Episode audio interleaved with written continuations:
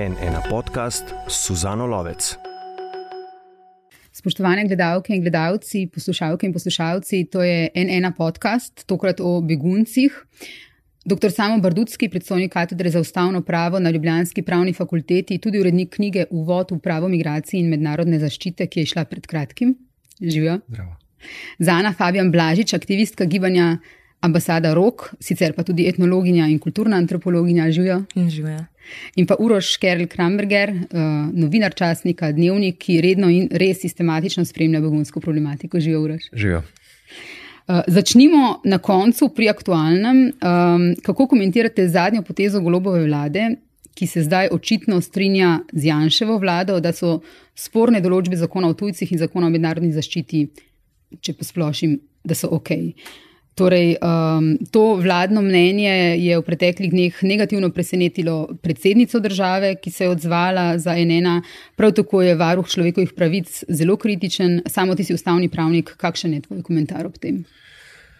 Um, ne vem, če je še kak uh, zakon poskrbel za toliko zanimivih twistov kot tale. Zdaj, če sam pogledamo, recimo, koalicijskega partnerja, socialdemokrate je to stranka, ki je v Cerarjevi koaliciji najprej izglasovala unta prvi zakon, ki je bil tisti člen, ki je bil razveljavljen.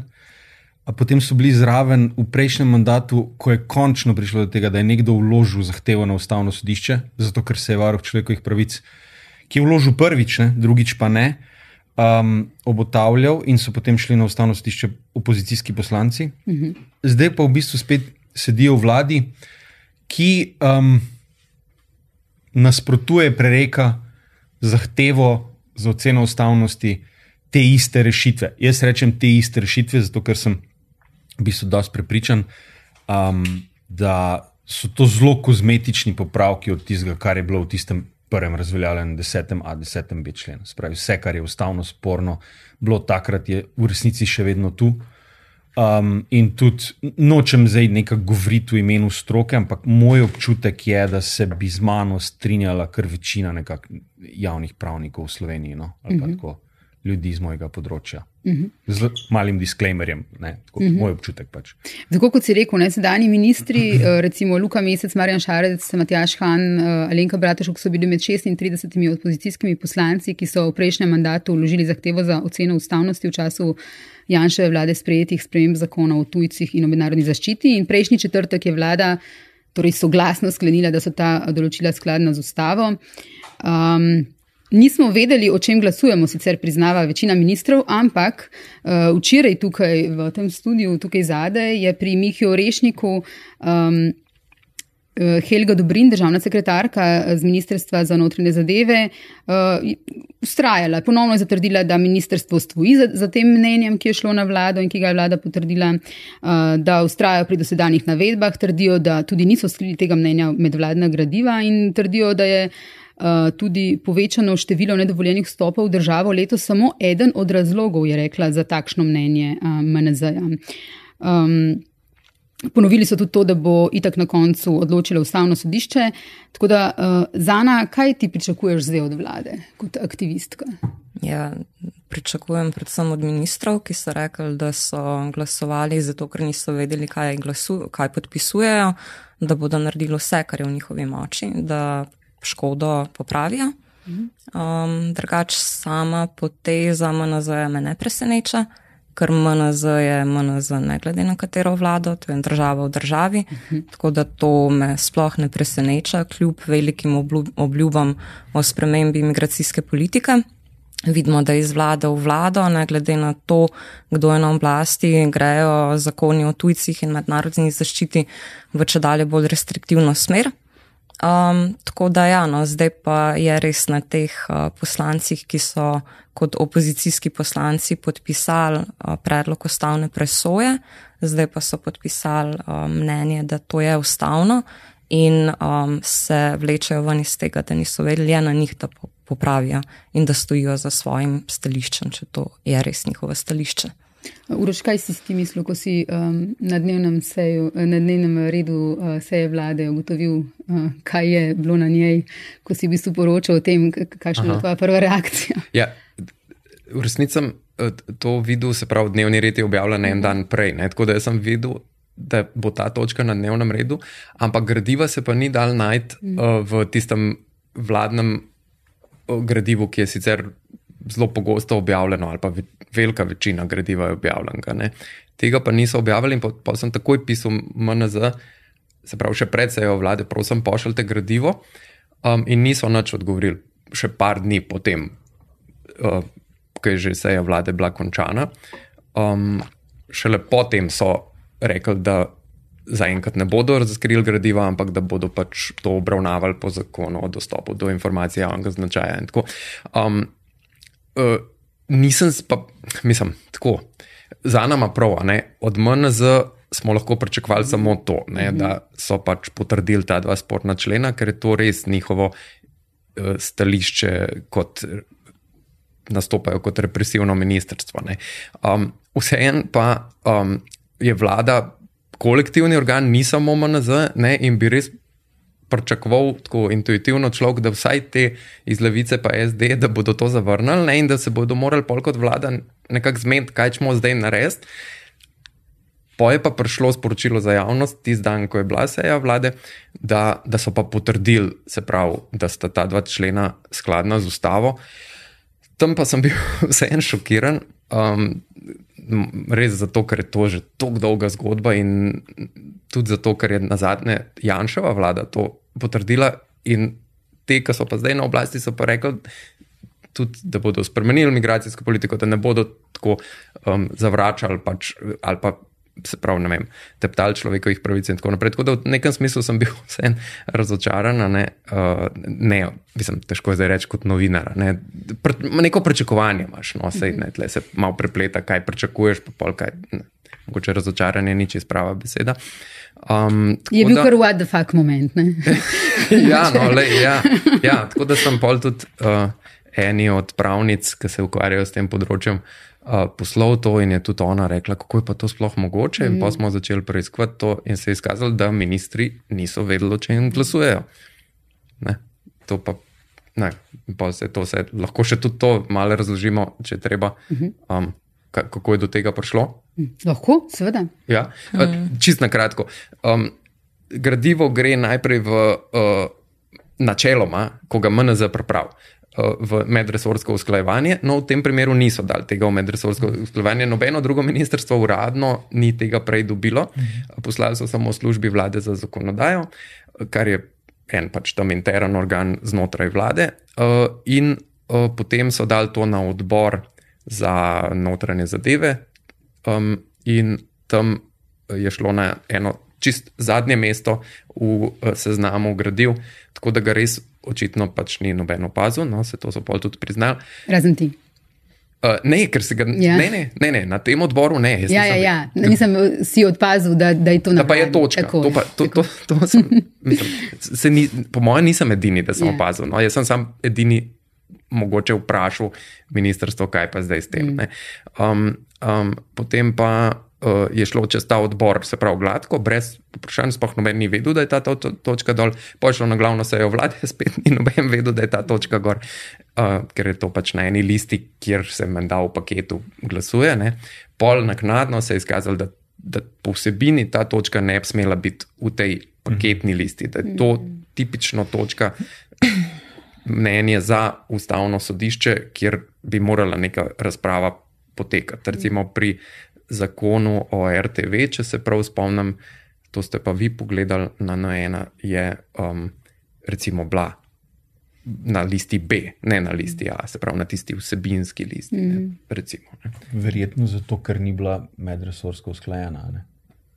To je bilo, mogoče. Ja. Medresorsko usklajevanje je vse nek mehanizem, da v bistvu se, si res predstavljaš, da vsi ministri ne morejo vsega prebrati. Mm. Vse to je dosti ja, ja, ja. Sploh ja. če mogoče zdaj Julija bi še šlo, ampak v kakih resunih, mm. težkih mesecih. Ampak vse zato imaš v bistvu te mehanizme neke interne kontrole. Ne? In zdaj v redu, pa lahko rečeš, te zadeve bomo paketno glasovali ker so tako ali tako šle po ministrstvih, ker bi nekje zazvonili. Ne? Pač, če bi bilo. Mm, mm. Um, tako da to, to, je, to je bilo verjetno malo hecno. Ne? Ja, uh, sorry, sem ja. še ta moment, zadnja res stvar. Niso pa tudi javno tega gradiva objavili, čeprav večino, večino, večino gradiva ja. objavili. Tle je en indic, da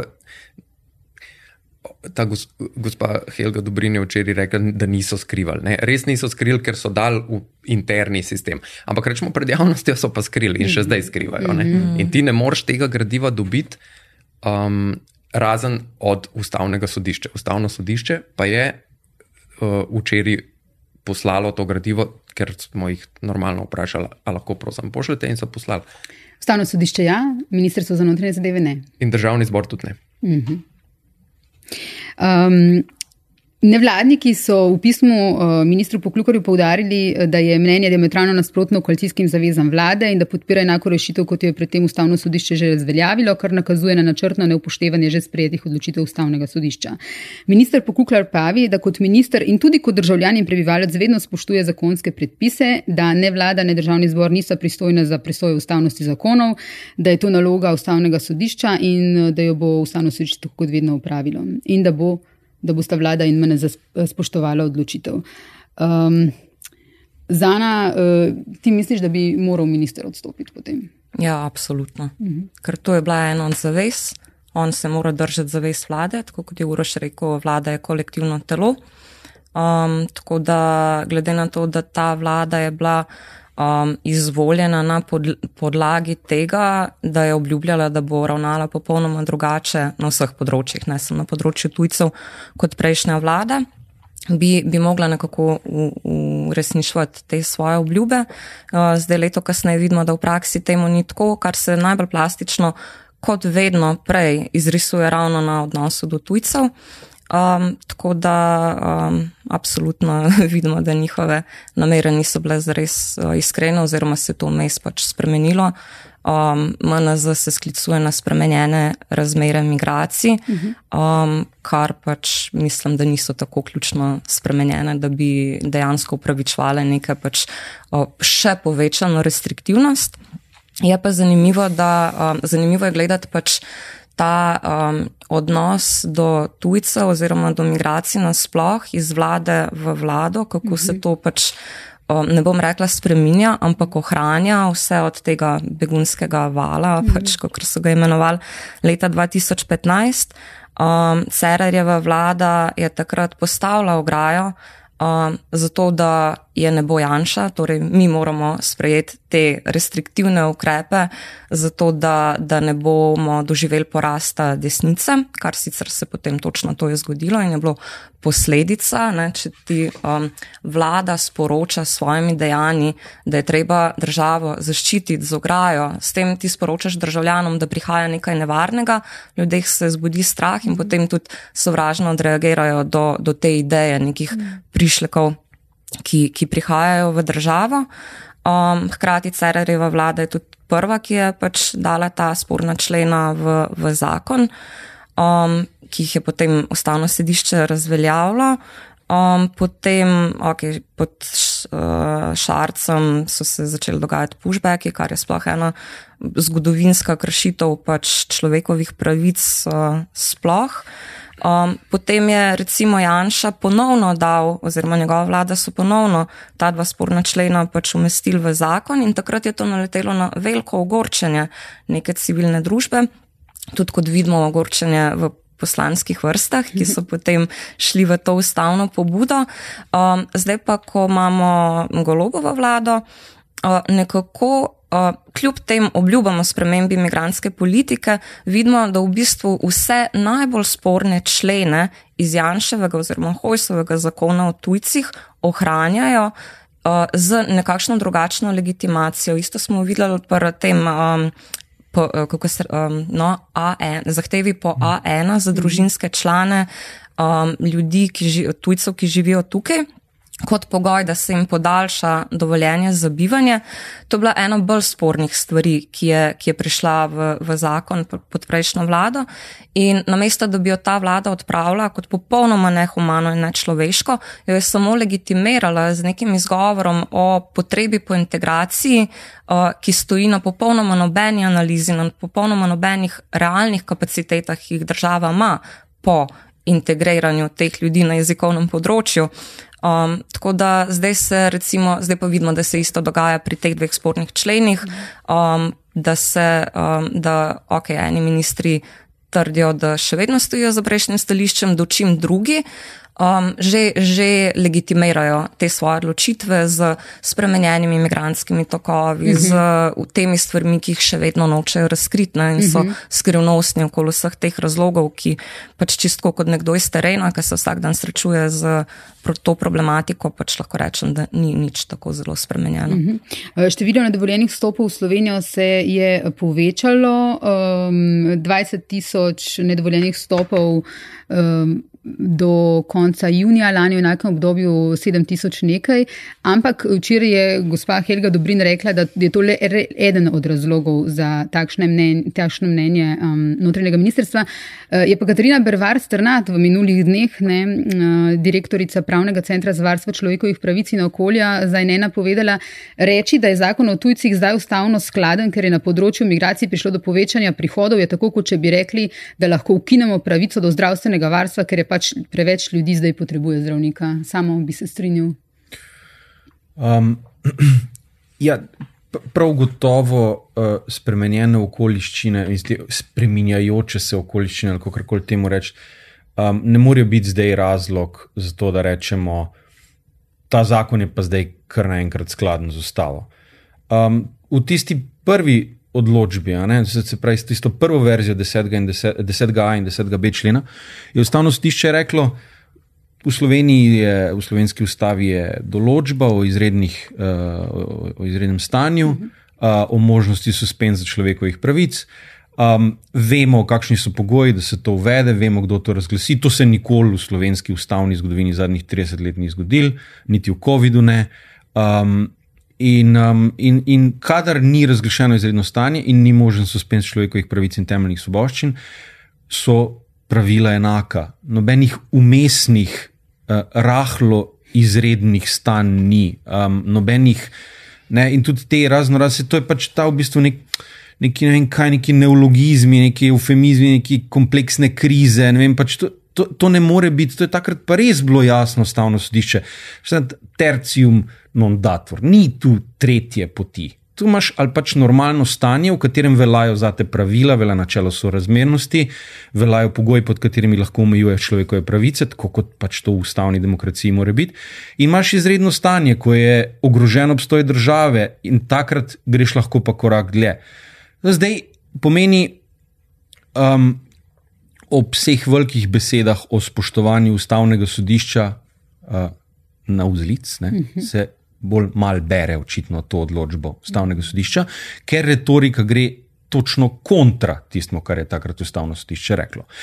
Pričemer se mi zdi. Mogoče smiselno dodati na tej točki, da je um, en tak sistemski tu v tem, kar slišimo trenutno z vlade, z MNZ-ja, problem. Um, Reči, da Vlada in državni zbor nista pristojna za presojo ustavnosti, je popolnoma napačno. Vlada in državni zbor ne morata razveljaviti zakona, zato ker je, ker je neskladen z ustavo ali pa drugega predpisa. Um, ampak ne samo, da sta pristojna za presojo ustavnosti, ampak sta obveznost, da vsakič znova, karkoli storita, se vprašata, če je to skladno z ustavo ali ne. Vsakič znova. In to je zdaj, ko sem jaz vem, to že toliko razmišljam v glavi, da se mi to vrtijo, da se mi zdi, da o tem govorim. Ampak pač ni, ni pa še očitno tako zelo zasidrano v zavesti, da je odgovornost vsakega državnega organa, da ravna po ustavi.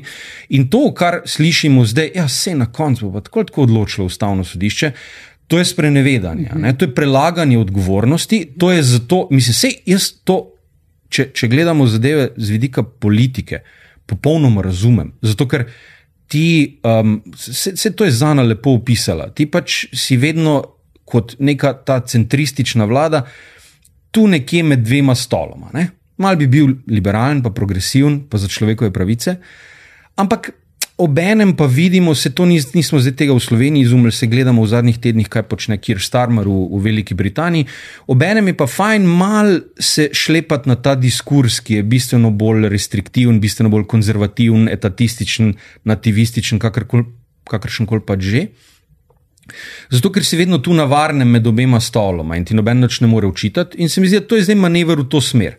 In ta manever v bistvu samo še popolno zaokroži to, da reč, sej mi bomo sprejeli nekaj, kar bojo ljudje verjetno, kar ne, tisti, ki ne bojo popolnoma vzrojili, se jim bo zdelo, da se ni tako hudo, tisti, ki tako ali tako navijajo za to, da se meje zaprejo, jim bo všeč. Um, pol, ko bo pa enkrat ustavno sodišče reklo, kot smo vam že rekli, je to protiustavno, in bomo še enkrat rekli, da je to protiustavno. Um, je pa, uh, je pa, uh, bojo pa tako, tako rekli, da ja, se zdaj pa mi smo hoteli, uh -huh. se ustavno sodišče ne dovoli, da bi zavarovali mejo in tako naprej. Ne. Pričemer moram reči, da v zadnjih izjavah, tudi to, kar je bilo včeraj na NN, je, je bil pa en zelo perfiden moment, ne, ker, se, ker se je slišal, da se veste ustavni sodniki tudi niso vedno istega mnenja. Ne? Ustavni sodniki tudi prihajajo novi. Um, tako da to, to, je pa, to je pa zanimiv, že skoraj mal. Uh, že skoraj mal ciničen moment, uh, ki, ki se jaz sprašujem, če si ga izvršna veja oblasti sploh sme, če si ga sploh lahko dovoli.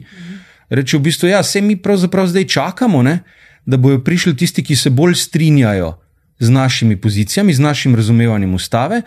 Do takrat pač igramo neko tako igro s tem zavlačevanjem, pa zdaj smo dali pa mnenje, pa smo ga skrili, pa, pa smo vložili zakon, pa smo potegnili ven. Smo, Ampak vse slejko prej bo pa, bo, pa, bo pa na ustavnem sodišču taka zasedba, ki, uh, ki bo potrdila tisto, kar mi mislimo. Pričemer ne, je to en od bolj. Uh, en, od več, eno od večjih stopenj strinjanja smo dosegli s tisto prvo odločitvijo o zakonu, tudi 8 proti 1, uh -huh. da samo en sodnik glasoval proti.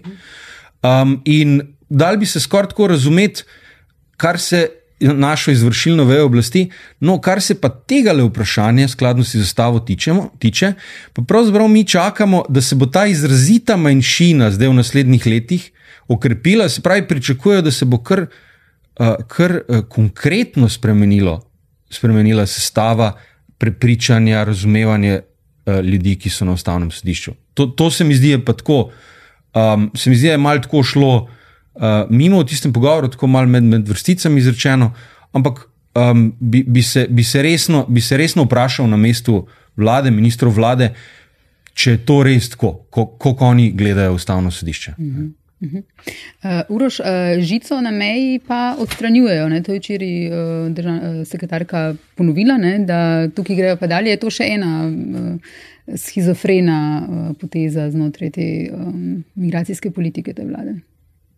Kako jo hm. vidiš? Ne vem, mogo, se pravi, res je. Ja, uh, odlo, sprejeli so odločitev za odstranitev žice in ograje. Žico je začela vojska eh, odstranjevati že pred približno enim letom, sicer bolj počasi, kot smo spremljali prvega pol leta, pa pa nismo več spremljali, ker ne vemo točno, kako to poteka. Pa tudi je šlo malo iz fokusa. Eh, potem so pa še eh, podjetje, ki je postavljalo ograjo, najel pa še za podiranje, tako da ja, verjetno ta zdaj dela potekajo.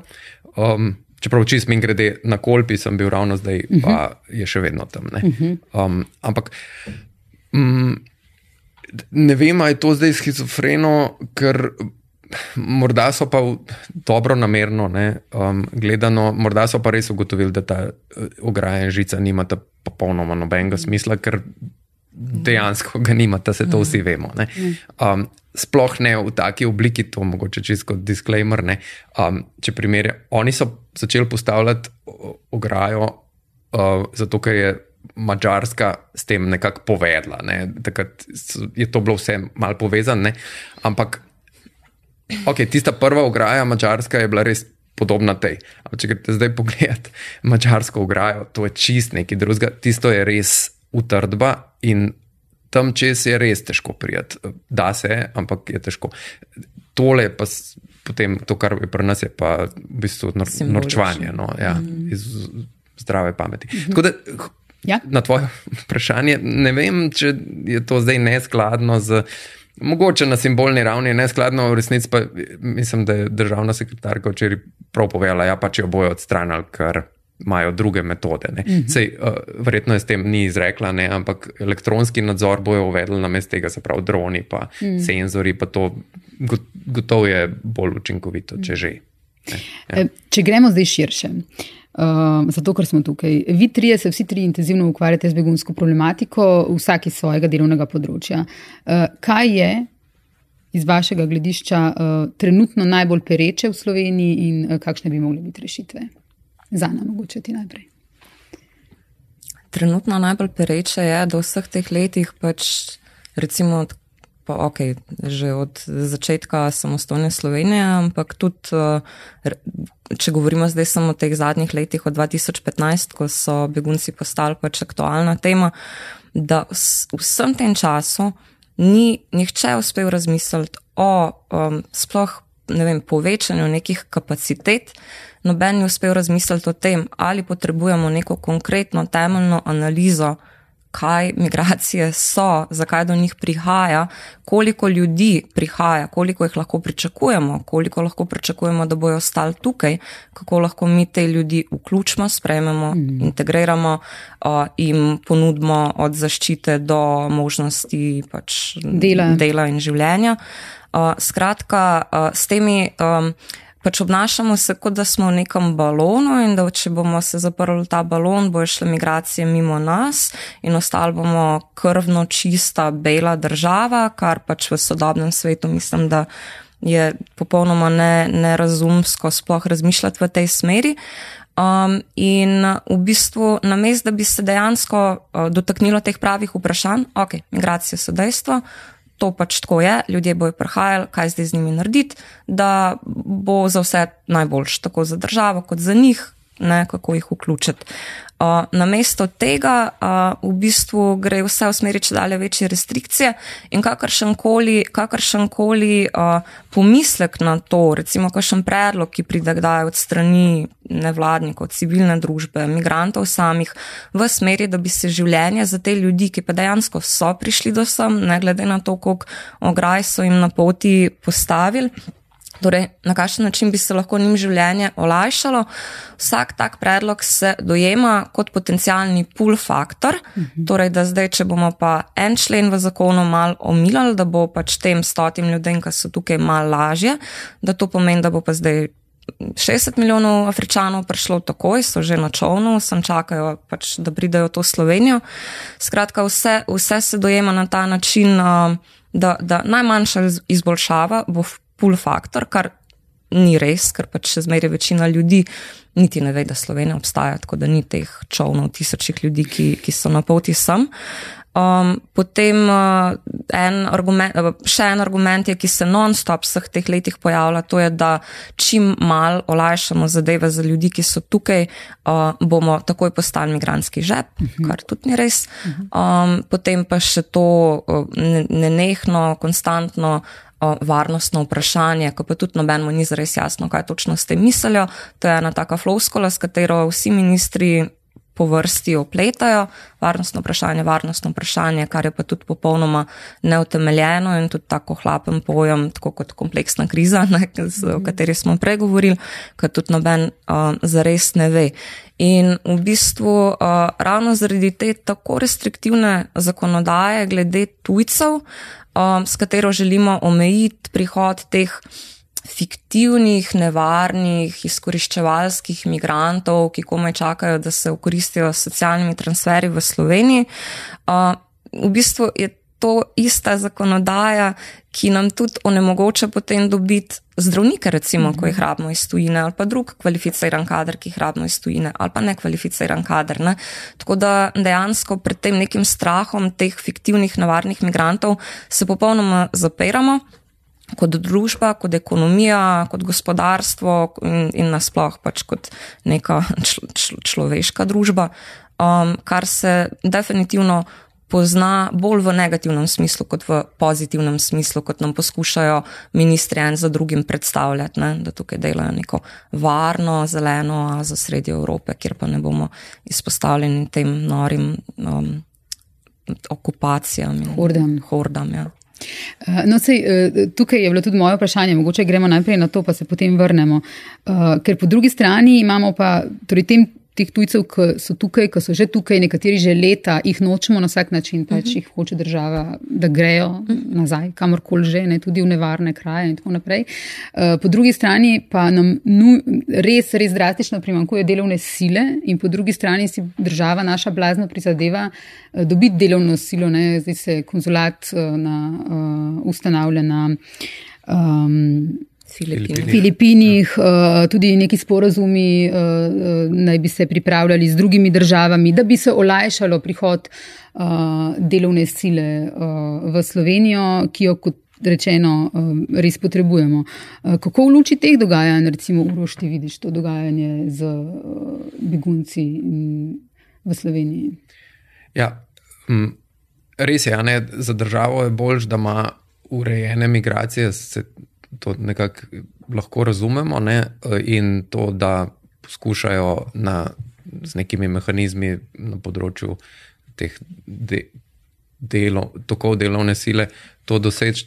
Je lahko čisto v redu, če bodo pač to vse dobro zregulirali, da ne bojo potem tukaj ljudje izkoriščeni in ja. ne ujeti spet mm -hmm. v neko brezpravno situacijo. A, ampak um, to pa, da prihajajo begunci, tega pa mislim, ne moreš izbrisati s tem, da iz nekje prihajajo delavci. Ne? Ker so tudi v bistvu to drugi mehanizmi, ki stojijo za tem. Med um, ljudmi, ki prihajajo kot migranti.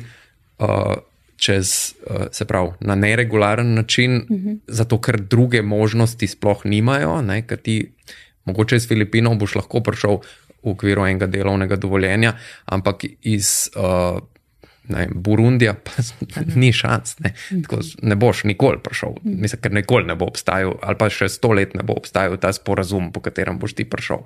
Ne. Moraš pa oditi od doma, ker je tvoja država pač za te nevarna. Ne. Tako da. Ne vem, kako bi to sploh v isto uh, strategijo spravil v boje. No? Mislim, je fajn, da nekako to oboje zajameš, ker je v boje so migracije, ampak pristopi so Bolj pade pod vprašanje, verjetno, eh, zakaj so eni uh, dobrodošli, drugi pa absolutno jih kot družba ne želimo. So tle dvojna merila na delu. Ja, verjetno ja, ne, se težko je govoriti o rasizmu, ne, ker uh mhm. -huh. ga ne moreš prijeti, ni tako uh mhm. -huh. jasen, kot je bil morda v preteklosti. Uh -huh. uh, ampak, ne vem, ja. Jaz, Prosim, ja, pomagaj. Ker ne znam tega dodala, da temu niti ne bi rabili reči dvojno merilo, ampak da je to vse del enega in istega mehanizma, pač dobivanja delovne sile, mhm. ampak prek terminov legalne in ilegalne migracije se pač samo določa cena delovne sile na trgu dela. Ne? In recimo, uh, zakaj uh, begunci kot taki niso zaželeni imigranti, ker s tem, ko dobijo status begunca, na nek način dobijo iste delovne pravice, kot jih imajo slovenski državljani. Plača mora biti ista, uh, pokojninsko se uplačuje zavarovanje. Pač imajo, imajo isti dostop do trga dela in iste pravice in se lahko tudi borijo za svoje delovne pravice. Zato so nezaželeni. Ljudje, ki pridejo uh, prek delovnih dovoljenj, recimo ljudje, ki bojo prišli iz Filipinov, bojo prišli za točno določen čas oddelali svoje, odšli nazaj, ker bo viza potekla, kar pomeni, da denar za njihovo pokojninsko bo ostal tukaj ne, in ga ne bojo niti oni um, nikoli rabili um, koristiti. Ne. Hkrati ne bojo prišle njihove družine, ne bojo koristili slovenskega šolstva, ne bojo koristili slovenskega zdravstva, za kar je poskrbljeno ravno s temi uh, jezikovnimi pogoji in tako naprej. Družine bojo bolj ali manj ostajale doma. Tako da to je najbolj zaželena delovna sila, ki se dobi prek teh sporazumov, so najcenejši, pripelje se jih in potem se jih pošle domov, ko so oddelali svoje.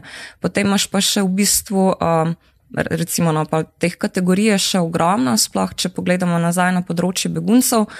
Um, te begunci, ki so nezaželjeni, so ravno te, ki dobijo status, um, ker potem lahko delajo pod istimi pogoji. Potem imaš pa še en kup ljudi, ki so prišli po irregularni poti, ki pa niso dobili, nikoli ne bojo dobili statusa beguncev v Sloveniji, ost ampak ostajajo v Evropi uh mhm. -huh. in ostajajo kot nedokumentirani. Te so pa najcenejši delavci, uh -huh. ki se potem znajdejo ali na nekih teh plantažah v Južni Italiji, kjer delajo za en evro na uro, ali se znajdejo kjerkoli drugje, tudi v Sloveniji v suženskih pogojih, popolnoma odvisni od tistega, ki jim je pripravljen dati 5 evrov na dan, da lahko pač jejo. Uh, in skratka, takšni ali drugačni migrantje, od beguncev do delavcev, ne glede, na, ne glede na svoj status, ne glede na svoje papirje, vsi so delavci v Evropi. Tudi tisti, ki nimajo papirjev, delajo nekje v Evropi, ampak razlika je pod kakšnimi pogoji. Mm -hmm. Tako da jaz mislim, da um, ne da teh migrantov, ki pridejo irregularno, torej beguncev, nočemo, ampak jih nočemo s papiri, ker pridejo bolj prav če, če živijo v nekem podtalju in upravljajo vse tisto, kar nihče drug ne bi. Uh -huh. uh, samo pred dvema letoma, ko smo se v enem daljšem intervjuju za enena pogovarjala, uh, sem si na vprašanje, ali je novi slovenski zakon o tujcih protiustaven, rekel ja, ustavno sodišče sporne člene, ki omogočajo suspens pravic beguncev, že razveljavilo. Rekel si pa tudi, z vsako reformo azilnega prava se krčijo pravice. Zakaj? Um. Ja, zelo, zelo dobro vprašanje. Um, zakaj? Uh, zdaj tukaj smo mal, um, mislim, seveda je treba, po mojem, dodati še eno, še eno plast te problematike. To je, da uh, smo del Evropske unije, da pravzaprav. Um, To je tako nekako z Evropsko unijo. Ti, vse, vse, vse srečne družine so srečne na enak način, pa, pa imaš pa še nesrečne družine, nesrečne vsako na svoj način. Uh, In vsaka država članica ima vse probleme Evropske unije, pa pa še svoje zraven. Ne? In, in uh, Slovenija ima tukaj vedno, vedno v tem nekem kontekstu uh, tega, kar se dogaja v Evropski uniji. Trenutno se zdaj pripravlja en velik paket um, in, uh, teh, teh reform, um, in potem se mora Slovenija nekako.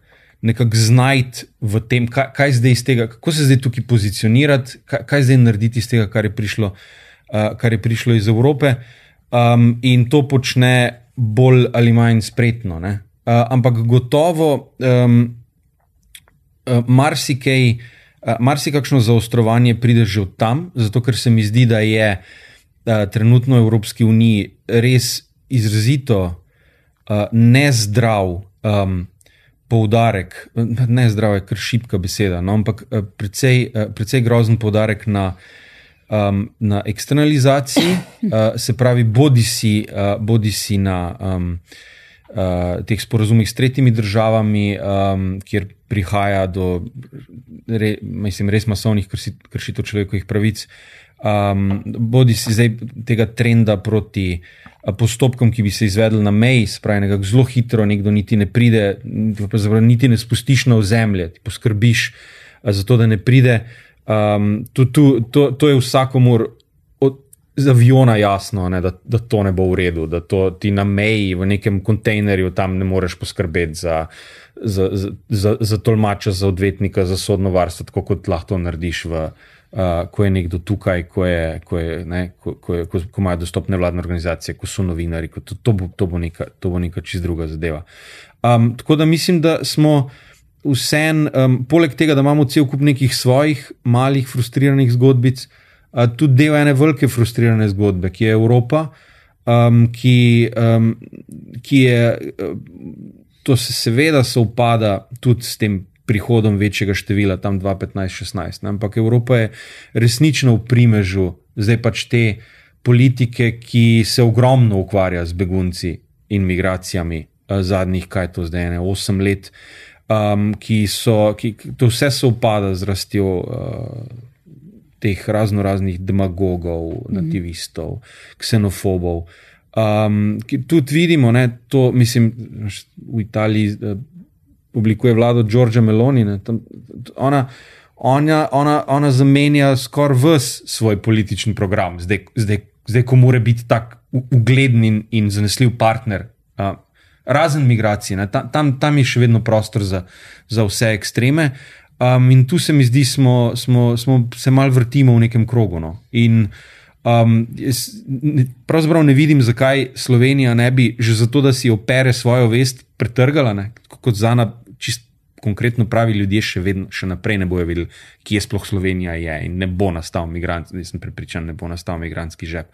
Um, in, uh, in bi lahko mogoče vse tako nekako za svojo vest um, rekla, da je mi vzpostaviti ten, kolikor je možno znotraj prave Evropske unije, en human sistem. Mhm. Ampak tu pa pa pridejo, se mi zdi, te naše male, frustrirane zgodbice, ki nam vedno znova preprečujejo, da bi, uh, da bi to naredili.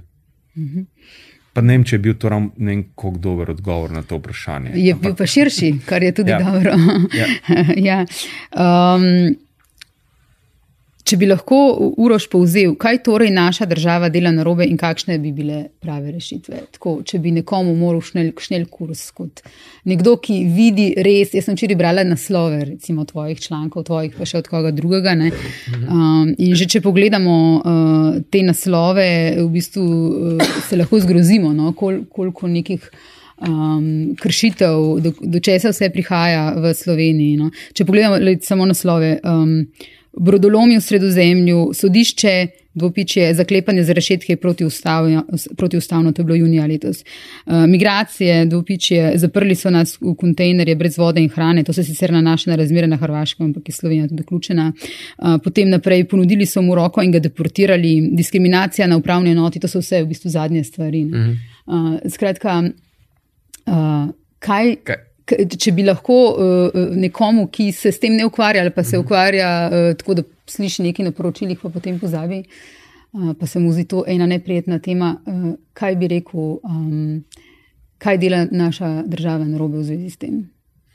Um, ja, meni se zdi tako, no, da po eni strani uh, ima država na področju migracij kar velik aparat, ne, predstavljam si, ima uh, se pravi direktorat uh -huh. recimo za migracije na MNZ, kjer uh, znajo dosti spretno v bistvu zakonodajo spremeniti, oziroma pripravljati zakonodajo, pripravljati predpise uh, za zapiranje ne, države, uh, pa tudi pač, ne vem, potem na, na upravnih enotah. Uh, nočem pa šalizirati, ampak ja, pač oni znajo uh, omejiti človeka, pa tudi kar nekaj napora v to vložijo. Ne, ne vlagajo pa v napora, ki bi ga lahko, ker država je precej uh, močna, ni ravno vse mogočna, ampak to malo, kar pa uh, omogočijo ljudem, ne, uh, se pravi, ne vem, že to, mogoče si je malo težko to plastično predstavljati, če se s tem ne ukvarjaš, ampak v Sloveniji obstaja samo en glavni azilni dom. To je tako precej mehna zadeva tam na Viču, en tak kvadrat, to je en blok, je veliko, vse skupaj. Ne. Za globalne migracije, ki, ki potekajo skozi Slovenijo. Um, men, če je pač vprašanje tvoje, kaj bi lahko naredili, ne, uh, z ne tako velikimi vlaganji bi lahko okrepili azilni sistem, odprli še nove lokacije uh, uh, za azilni dom, um, pač potem tudi okrepili uh, integracijske službe. Um, Min grede, v azilnem domu, tako kot pravijo, se zelo trudijo mhm. nove lokacije najti, ampak jih vlada pri tem ne podpre. Oni sami na terenu pa nimajo te moči, da bi pač to speljali, ker je to samo en urad. ne. Uh, tako, to, Oprosti, pa- ja, povej. Ja. Pa, pa veliko je, kot so meni razlagali, tudi odpora v lokalnih skupnostih. Tudi, ja. No, sej, ampak ta, odpor z ne vem, to lokalno politiko, to, to pa lahko, mislim, to država s sistemom strank, ne vem, z nekimi koalicijskimi dogovori eh, lahko doseže, pač, ne vem, da, žup, da župani neki, ne vem, nekako ukrenejo in tako naprej. Vse to gre vse pol na, na te nižje nivoje. Država ima velik aparat, ki, ki to zmore. Če zmorejo ceste graditi, pa ne vem, železnico, pa vse to, ne, je to pol manj, mislim. Vem, še tri lokacije nekje odpreti, ni, ni tako velik problem. Ker ne, se to za Ana bolj šve. a ne, V takih situacijah, v takih situacijah, kot je zdaj, ljudje ostajajo na cesti in potem pol je vse narobe. No. Mm -hmm. In pol, pol tudi odhajajo naprej, in pol je Italija slabe volje, zato ker prehajajo čez, čez njeno mejo. ne, Um, in skratka, aparat je sposoben okrepiti integracijsko politiko, pa tega ne naredi. Če te prav razumem, ali pa če posplošam, torej. Um, Lahko bi bila država proaktivna in to v dobro smer, uh -huh. neko človeško, in uh, da bi imeli v bistvu vsi nekaj od tega, no, če, če rečem po ljudsko. Ja, sigurno. Ja. Tle bi jaz sem dodala, kar je Uroš rekel. Država bi lahko to naredila, če bi hotela. Uh -huh. Tle je pa spet ta pač vprašanje politične volje in vidimo, da pač politična klima okoli migracij že vse čas, recimo evo, zadnjih devet let, osem let pač je takšna, kakršna je. Tako da, če bi bila politična volja, seveda, potem bi se spremenila tudi cela azilna politika in zakonodaja nasploh, oziroma celo področje migracij, kar smo že prej povedali, da se ne. Torej, te volje ni. In zakaj? Potem se mi vsi čudimo, kako v osmih letih, odkar je recimo temu povečano pač število migrantov, ki prihaja, kako niso uspeli enega azilnega doma več zgraditi, razen 2016 so odprli Kotnikovo. Pa Logatec je še eno. Ja, ampak to. Ampak to so trije azilni domovi v celi državi, to ni nočne, tu imaš v kažem večjem mestu vem, v Italiji imaš vem, deset, recimo. Ja, no, ja. In uh, skratka, te kapacitete se ne povečujejo, niti za posteljo več. Se pa povečuje, recimo, pride potem obdobje vem, poletja, ki, ko prihaja več ljudi, in potem imaš ti na področju, ne vem, kjer mislim v azilnem domu, kjer je 300 postelj, imaš kar naenkrat tisoč ljudi. Mhm. Okay pač okay, ljudje pa spijo vem, kjerkoli na hodniku, ali, ali ne vem, v kuhinji ali kjerkoli že.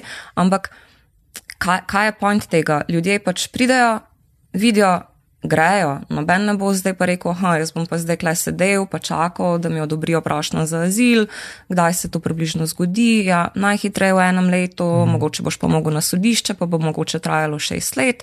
Uh, skratka, ljudje si mal preračunajo, da mogoče šest let pa ne bom živel na tleh v hodniku ne?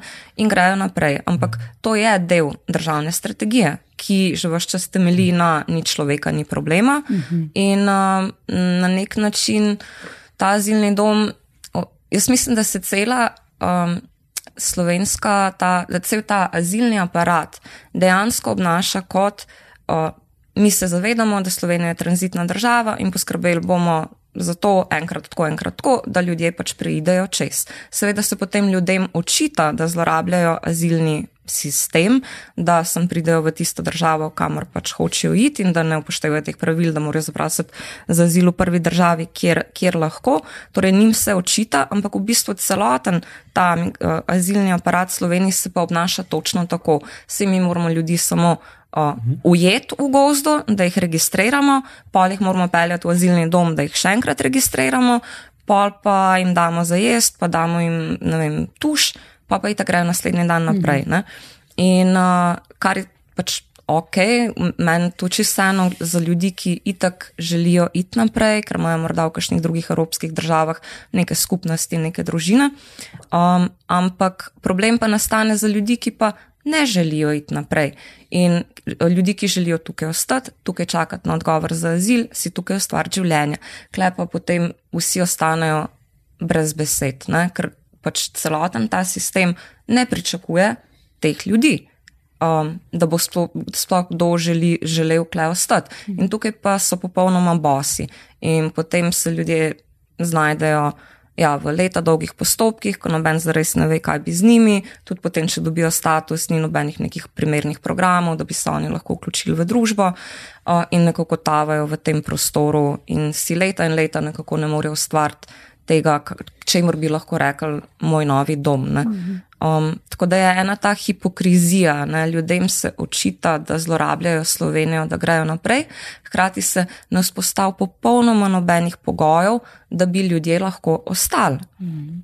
In tudi pač, ja, imamo potem obdobja, ne vem, v obdobjih pushbackov je bilo izjemno težko sploh priti do Slovenije. Zdaj, recimo, je lahko pride do Slovenije, še lažje je iti ven iz Slovenije, ampak v katerem koli obdobju, vseh teh letih, kar pač spremljamo to problematiko, v nobenem obdobju pa ni lahko ostati. To, pa, to je pa vse čas problem. V zadnjem času so se nevladniki, ste večkrat opozarjali na deportacije, imeli ste protestni shod proti vračanju prosilcev za azil na Hrvaško. Kaj se zdaj za nas s tem dogaja? Ja, mi še vse čas čakamo na odziv vlade, kar se tega tiče. Um, ta kampanja uh, traja že več mesecev, vsaj pol leta aktivno. Um, MNZ vse čas podaja te ene in iste odgovore, da vse dela v skladu z zakonodajo. Mi vse čas trdimo, da tudi če je nekaj legalno, to ne pomeni, da je legitimno uh mhm. -huh. in da je prav, ker vsi vemo, kaj, um, kakšno je stanje na Hrvaškem. um, in se tudi ni kaj bistveno spremenilo, odkar so vstopili uh, v pač 1. januarjem. Uh, in skratka, uh, pristopili smo k veliko politikom, ministrom, uh, poslancem. S komorkoli smo govorili do zdaj, so, uh, se strinjajo z nami, da je nečloveško vračati ljudi prvič v take razmere, drugič, da je popolnoma nesmiselno vračati ljudi, ki tukaj že več mesecev obiskujejo tečaje slovenščine, ki tukaj že delajo, uh -huh. so v nekih delovnih razmerih. Um, skratka, ampak zgodi se nič. Ne, tako da um, ne vem točno, kje se zatakne. Um, no, se pravi, mnogo politikov nam, nam je šlo nasprot v tem, da nas bojo podprli, um, da bojo naredili, kar je v njihovi moči, in so se strinjali z nami vsebinsko, odgovora pa ne dobimo še zmeraj nobenega. Um, in MNZ še vedno trdi, da Hrvaška je varna, um, te deportacije so legalne v skladu z evropsko zakonodajo, pač to Dublinsko uredbo. Ja. Če mogoče za tiste, ki ne vejo, povemo, kaj se dogaja na Hrvaškem, kar si omenila, ne? mogoče urošti. Torej, uh, počevanja ja. z Hrvaške že leta vemo, da v bistvu so krvaviti. Ja, ja, ja. Um, se pravi, že, od, uh, že pred letom 2018, uh, ampak še najbolj pa v tem letu in po tistem, um, so se hrvaški uh, policisti oziroma organi, tudi uh, um, oni, um, se pravi ta varnostni aparat, odločili, da bodo um, z nasiljem uh, odganjali uh, oziroma zaustavljali uh, migracije, in uh, to je sovpadalo nekako časovno z odločitvijo slovenskih oblasti, da bodo pa izvajali push, tako, tako imenovane pushbacke, to so pač v bistvu nezakoniti izgoni uh, prosilcev za azil, uh, ki so že uspeli priti čez Hrvaško do Slovenije. In tam so se na Hrvaškem vsa leta dogajala uh, pretepanja, ropanja, uh, mučenja, celo. Um, zdaj, tle, po mojem, tem, pač kolikor smo uspeli dometi, um, vedenju, um, so upadali is, nek iskren sadizem mm. posameznih policistov z uh, neko uh, taktiko ne, mhm. odvračanja, da bi, se, ja. ja, da bi Hrvaška obvelala kot nevarna tja država. Tja. tja pa res ne smeš iti, ker boš. Uh, Zelo hudo ga nasrko. Recimo Bolgarija je bila prej taka, mm -hmm. je ja, ja veljala za. Še vedno, še vedno. Še vedno ja. No, pol pa lani ne, je pa vendarle prišlo do ene spremembe, zato ker je lani je Hrvaška bila v, tem, v tej končnici vstopanja v Schengen in je Evropska unija opozorila Hrvaško, uh, se pravi Evropska komisija, mislim, ne kot pristojen organ, uh, da morajo pa. Paziti na človekove pravice, ker je to tudi del šengenskega zakonika. Ne? Tako nekako se spomnim, da, da je ta debata šla v to smer, in so res uh, hrvaški policisti nehali tako pretepati tako množično, a ne vse, kakšni incidenti so še vedno bili. Um, in je to potem v lanskem letu uh, mal po, poniknilo. Uh, več ljudi so tudi pač spuščali čez državo, niso jih več tako zaustavljali, zelo ene papirje so jim dali, ki jim dovoljujejo gibanje. So pa še vedno pa v azilnem sistemu, to je pa ta vrš. Uh, V bistvu problema, ne, pa še vedno zelo grdo z njimi ravnali. Vsi... Tudi na meji. Pač Aha, tudi na meji. Ja. No, vse, ja. Vsi ti um, pač, ljudje, ki so zdaj bili del te kampanje in so se mm. borili proti svojim deportacijam, so še vedno doživeli nasilje mm -hmm. um, v hrvaških gozdovih iz strani policije. Uh, razlika je bila, da mogoče predtem, recimo v letih pred 2021, nazaj do 2018, so ljudje morali po 30 krat, 40 mm. probati iti čez bosansko mm -hmm. mejo na Hrvaško, pa iz Hrvaške v Slovenijo, preden jim je končno uspelo. Zdaj, recimo, se je to malo zmanjšalo, lahko v ene petih poskusih, večina jim je ratalo v ene petih poskusih. Uh, ampak so potem, recimo, razvili neke, mislim, ugotovili neke trike, kako pa lahko jim le uspe, če se pridružijo kakšni družini, pa reče, da so družinski član, to, recimo, evo, družine niso več tako brutalno pač pretepali in pošiljali nazaj. Ne. To je bila neka taka, mm. uh, taka sprememba, uh, drugač ne. Uh, tudi nasilje se je še dogajalo, zdaj pa ne vem, kako je po 1. januarju, ampak recimo vsa ta pričevanja so bila tudi še iz konca decembra. Uh -huh. um, ja. Ja, mislim, da je zdaj spet malo poraslo. Je, no, to je zdaj, kar smo uh -huh. v zadnjem mm. času govorili s kolegi na Hrvaškem, je spet več nasilja. Uh -huh. uh, ampak to, to sem si zapomnil, no, da so vaši, uh, če lahko rečem, varovanci, člani, ki za, člani, pardon, ki za njih skrbite.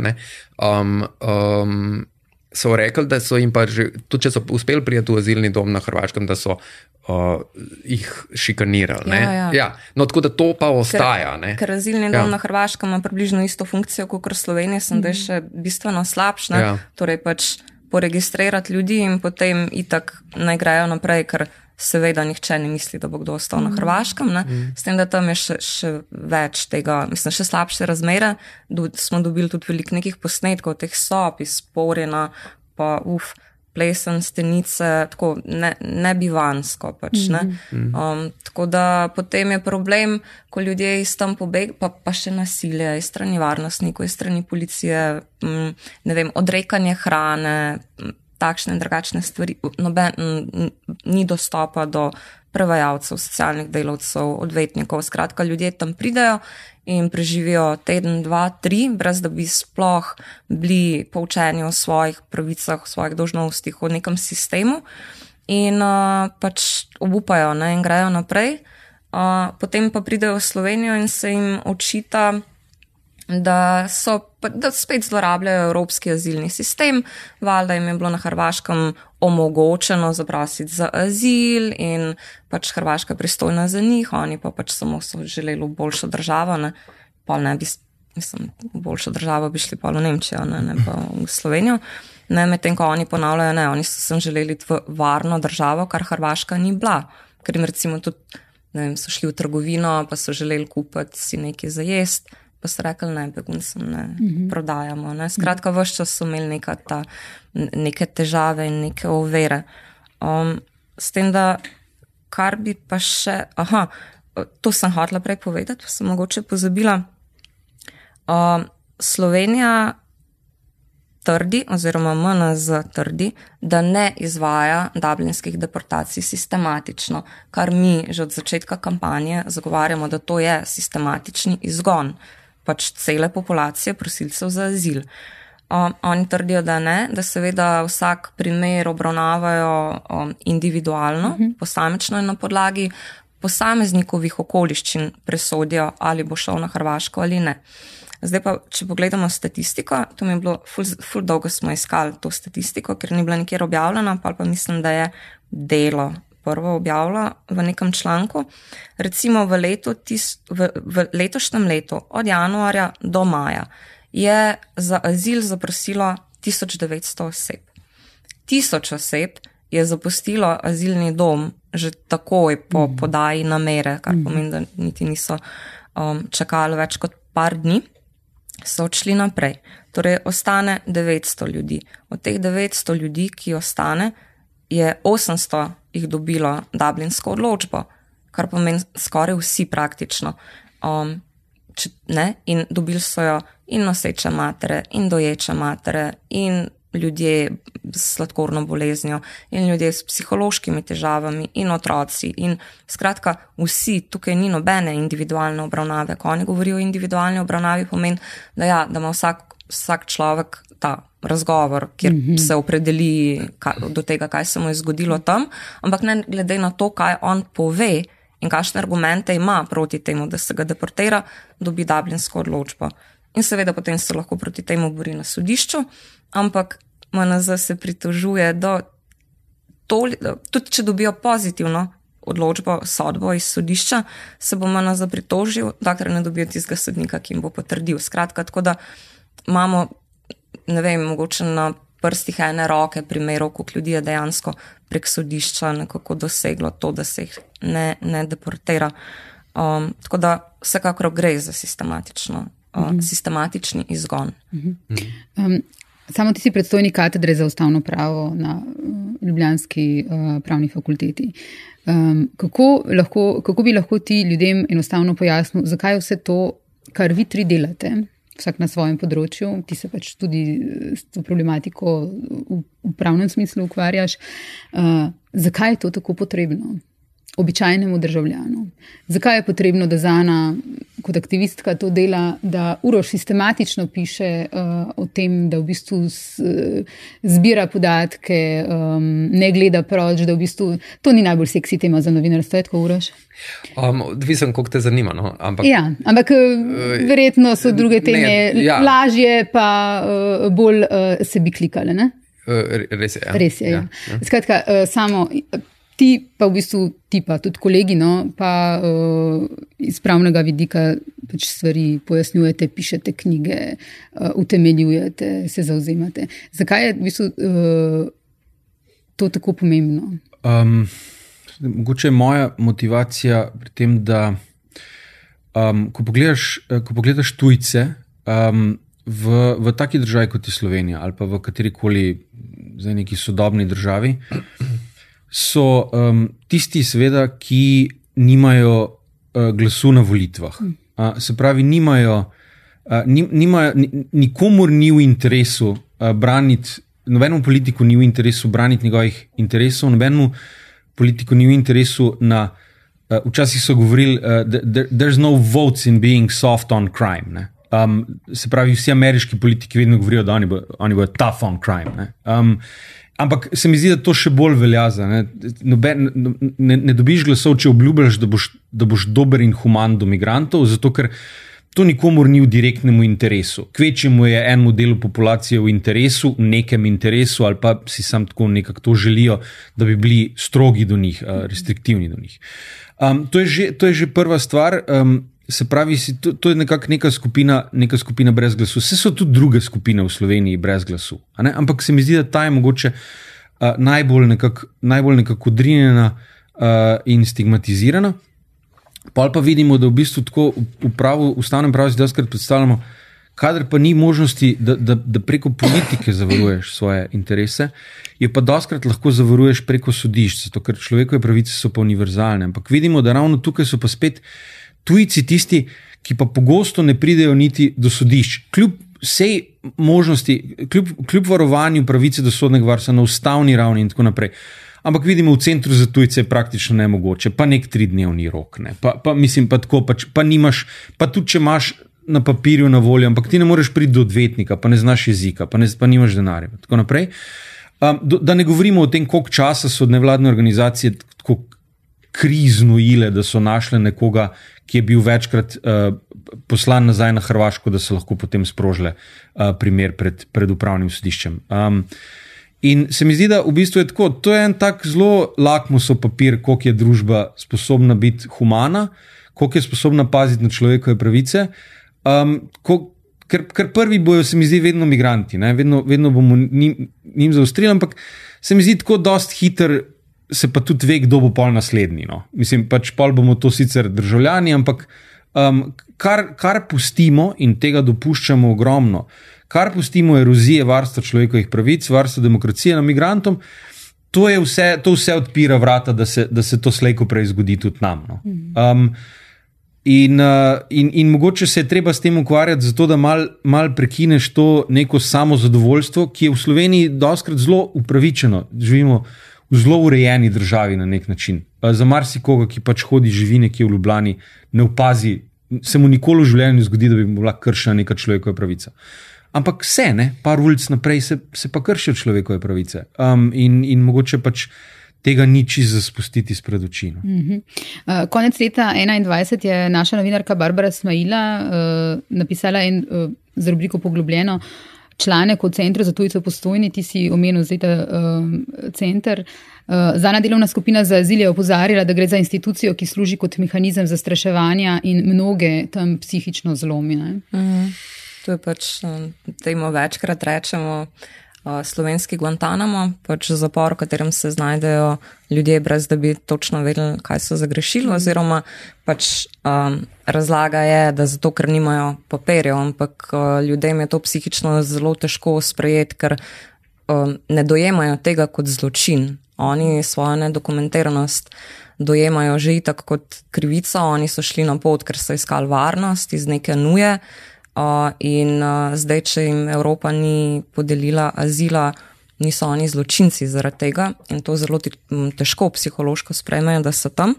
Skratka, ta center za tujce je v bistvu prej bil poimenovan center za odstranjevanje tujcev in temu je primarno tudi namenjen. Tja grejo ljudje z odločbami o deportacijah.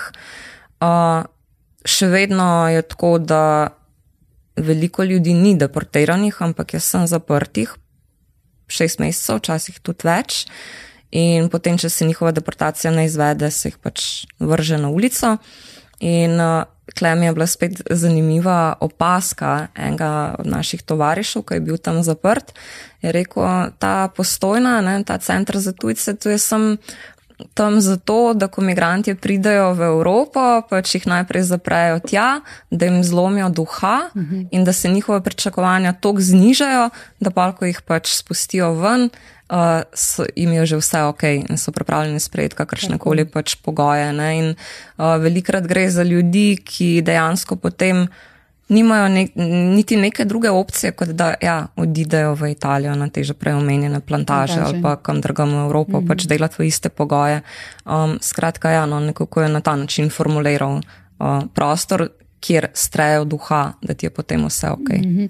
uh, ujeti smo v nočni mori, pa nihče ne ve, da sploh obstajamo in kaj se nam dogaja. Je izpoved enega od njih uh, iz Centra za tujce, uh, ki je bil vključen v, bila vključena v migranskem časopisu Tukaj smo uh, in je tudi vključena v vod v pravo migracije in mednarodno zaščite v knjigo. Uh, Uroš, kako pa ti doživljaš, veliko pišeš o teh, tudi o teh kafkovskih zankah, eh, kot je bil eden od naslovov. Eh, kako eh, ti ljudje, ki potem pristanejo tle v Sloveniji, kako doživljajo to Slovenijo? Zana je zdaj nekaj rekla. Ja. Recimo o centru za tujce. Aha.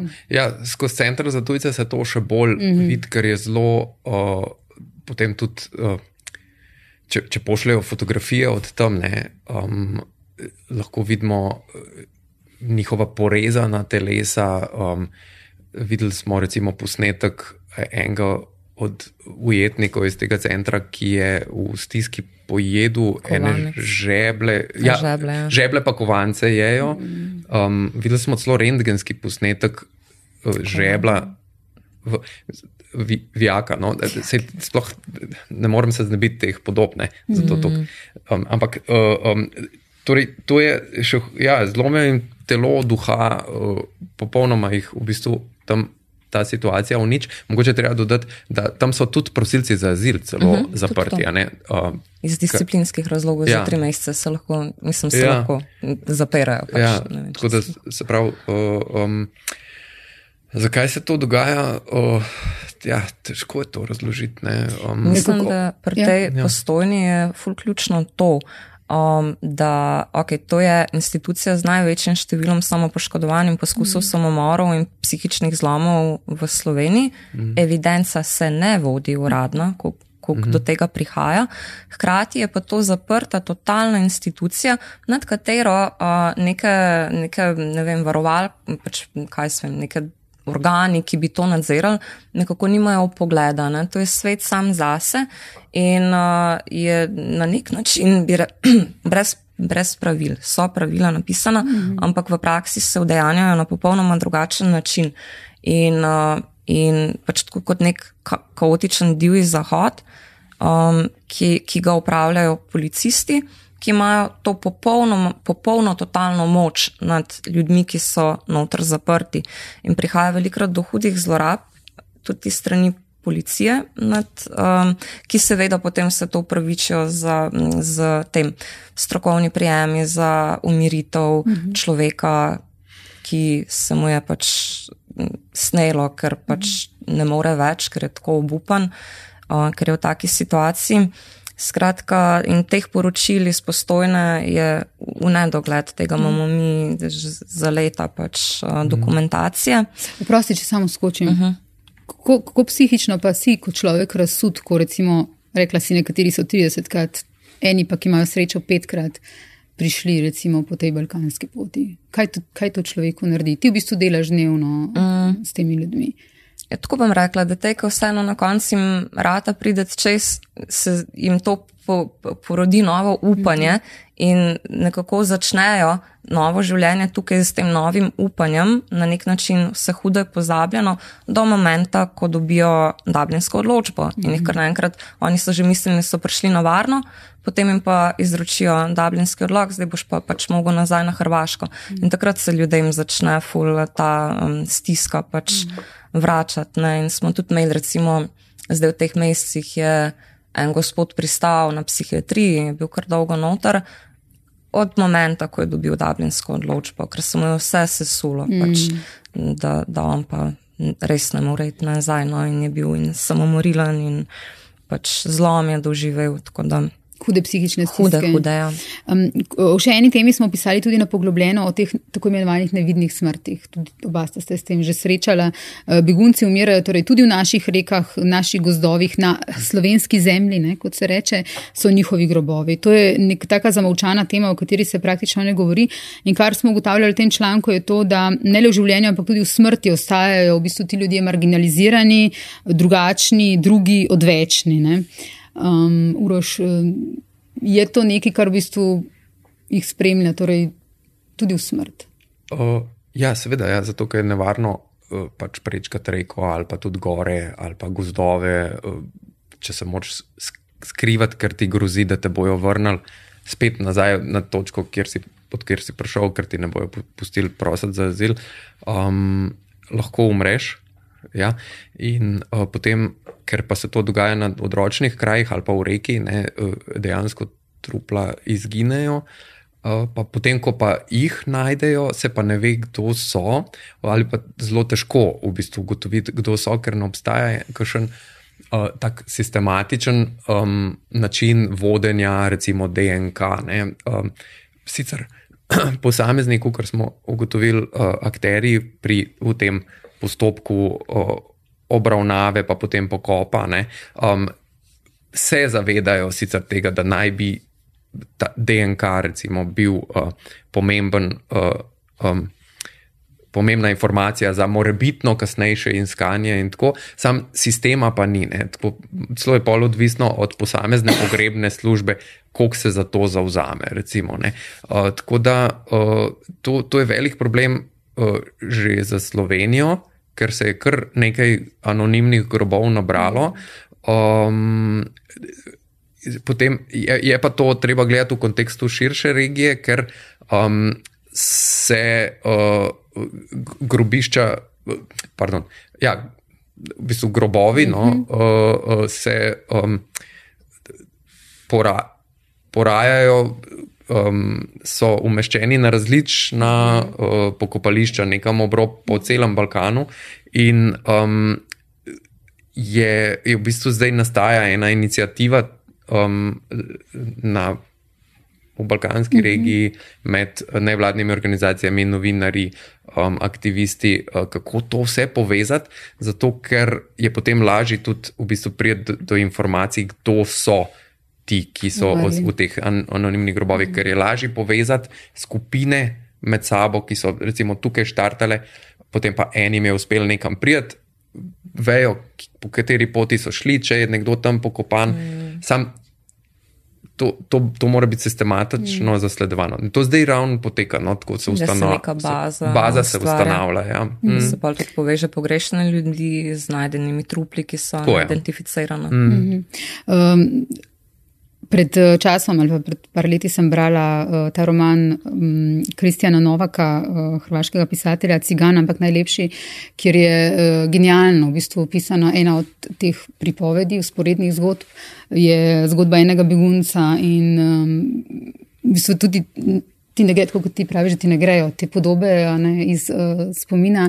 Uh, tudi tiste podobe, ki jih on naslika, ne, teh uh, grobov po hrvaških uh, gozdovih. V bistvu ti človeku polka enkrat to knjigo, ker je res genialno napisana, jo toplo priporočam, uh, ne grejo bralcu v bistvu iz spomina. Ne. Vsakič mhm. polko se voziš po hrvaški, pač ne moreš nehati razmišljati o tem, ne, kaj se dogaja tudi v teh gozdovih. Um, Nekaj bi še rekli, od, eh, tako sem zastavila kot ABC begunske problematike. Nekaj, kar, eh, demo temu reči, običajni slovenec eh, si zastavlja vprašanje.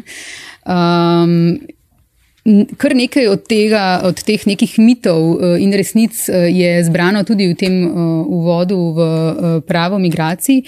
Um, dve avtorici o tem pišeta, ne, kaj, kaj vse si ljudje predstavljajo o beguncih in migrantih, pa ne drži. Ne. Um, ampak recimo, kako bi odgovorili. E, ena od teh mitov je že, pa je Zana že večkrat govorila o njem danes. Potem bo prišlo ful beguncov in bodo ostali tukaj in nas bodo priplavili. Ne? To je eno od teh mitov, ki recimo ne drži. Ali pa um, zakaj ne grejo, aha, ta je tudi pogost, zakaj ne grejo pa na mejni prihod, pa tam zaprosijo za azil. Vem, vam se zdi smešno, ampak to ljudje vprašajo. Ja. ja. Lahko Zana, kar.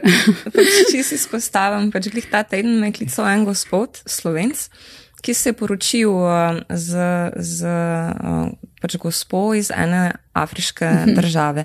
In zdaj on se trudi, kako da več njo pripeljati sem po tej pač poti normalni, ne, zaprositi za dovoljenje za bivanje, uh -huh. za družinskega člana. Uh, in predtem pridobiti devizo, da ona sploh lahko prileti sem, ampak ona mora potem iti to urejati na uh, slovensko ambasado v Kajro, v Egiptu, ki je edina slovenska ambasada v Afriki in čeprav mora iti iz Juga Afrike, gor pač tam to urediti. Skratka, in gospod je bil popolnoma obupan, imela sem ga na eno uro na telefonu ko je bil čist iz sebe, ko je bil prvič v življenju kot slovenski državljan mm. soočen mm. z o, birokratskimi overami, uh, s katerimi se morajo srečo, srečevati tujci. Sicer ne, meni to ni bilo nič novega, kar mi je razlagal, on je bil pa čist um, pač šokiran, milo rečeno, in obupan, kako boste sploh to speljala.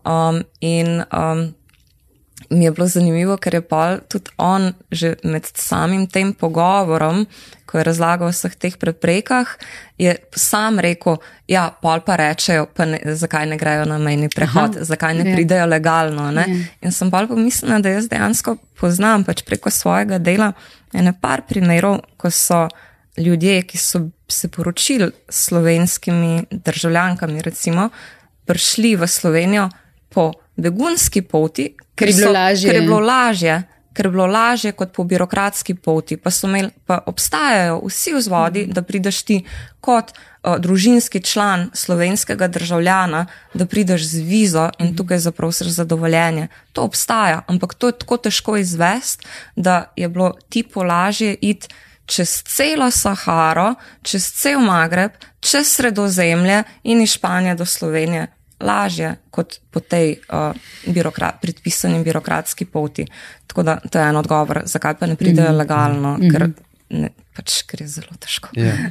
Uh, vem, mogoče se razumemo vprašanje. Mi smo se nasmejali zato, ker je pač res težko. Ja, seveda, ker, ker je praktično ampak, nemogoče. Ja, ne? se, se, ja. Ampak se ljudje si lahko predstavljajo, vedno, ko so šli čez mejo, so šli najprej čez mejo tiste države, v kateri so, pa so pa stopili v eno drugo državo. Ne? In ti, če probaš iti, recimo, eh, to so tudi poskušali.